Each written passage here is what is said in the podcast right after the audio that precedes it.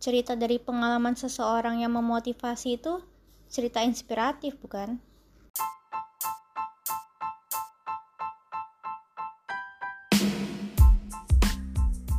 Halo semuanya, balik lagi di podcast Akila. Hari ini kita akan berbincang-bincang dan membahas tentang teks cerita inspiratif. Kira-kira apa sih yang muncul di benak kalian tentang teks cerita inspiratif ini? Pasti yang muncul di benak kalian atau di pikiran kalian adalah tentang seseorang yang menceritakan kisahnya dari awal sampai akhir dia terkenal maupun ternama bukan?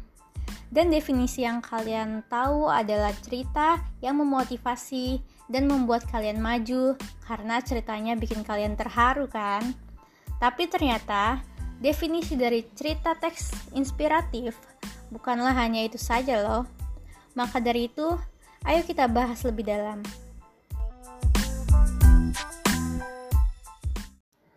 Ternyata, pengertian lain dari cerita inspiratif adalah merupakan bentuk narasi yang lebih bertujuan memberi inspirasi kebaikan kepada semua orang. Kisah inspiratif yang baik dapat mengubah perasaan serta mampu membuat seseorang berjanji kepada dirinya untuk menjadi seperti yang dibacanya. Tapi kalian tahu nggak sih pengertian dari inspiratif itu sendiri itu apa sih? Ternyata inspirasi merupakan kata kunci utama dari teks ini. Sehingga arti dari inspirasi sendiri adalah suatu keharusan dalam mempelajarinya. Inspirasi adalah percikan ide-ide kreatif akibat hasil proses belajar dan peduli kepada sekeliling kita. Nah, kalau kalian mau membuat teks cerita inspiratif ini dari cerita kalian sendiri, kalian harus tahu dong strukturnya itu apa aja. Ternyata struktur yang pertama itu yang harus kalian ketahui adalah orientasi yang merupakan pengantar dari cerita kalian. Yang kedua ada perumitan peristiwa yang berisi kisah tokoh dan peristiwa menuju puncak cerita atau konflik kisah. Yang ketiga adalah komplikasi yang merupakan puncak dari konflik atau inti cerita kalian. Yang keempat adalah resolusi yang berisi penyelesaian konflik yang berisi peristiwa yang menyadarkan tokoh tentang kebaikan yang seharusnya ia jalani. Yang kelima adalah koda, yakni penutup cerita.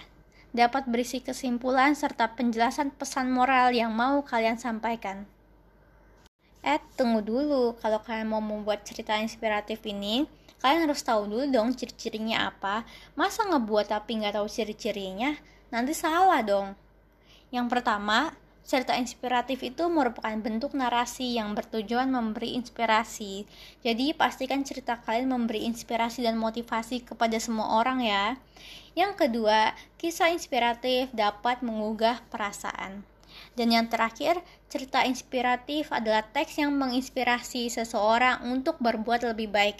Jadi pastikan cerita kalian adalah cerita yang sangat menginspiratif dan menyentuh hati semua orang.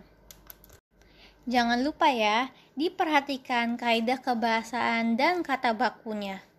Aku bakal kasih tiga tips bagaimana cara meneliti maupun memilih cerita yang baku. Yang pertama adalah menggunakan kalimat yang bermakna lampau. Yang kedua adalah mengatakan atau banyak menggunakan kata yang menyatakan urutan waktu atau bisa disebut dengan konjungsi kronologis.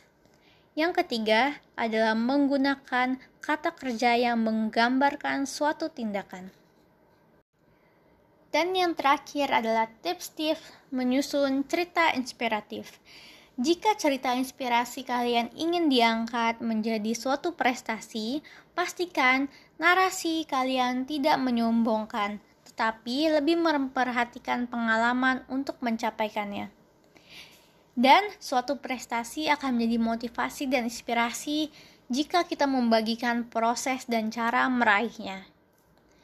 Dan yang terakhir, saat mengangkat kisah yang menyedihkan, pastikan kita dalam posisi memanusia untuk menceritakannya. Tragedi sejatinya tetap merupakan kepiluan yang menyakiti seseorang. Jangan menyalahgunakannya.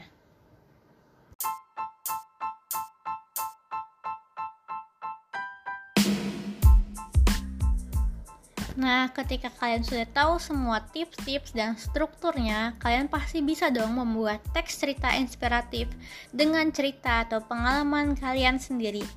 Jangan lupa yang bikin memotivasi ya.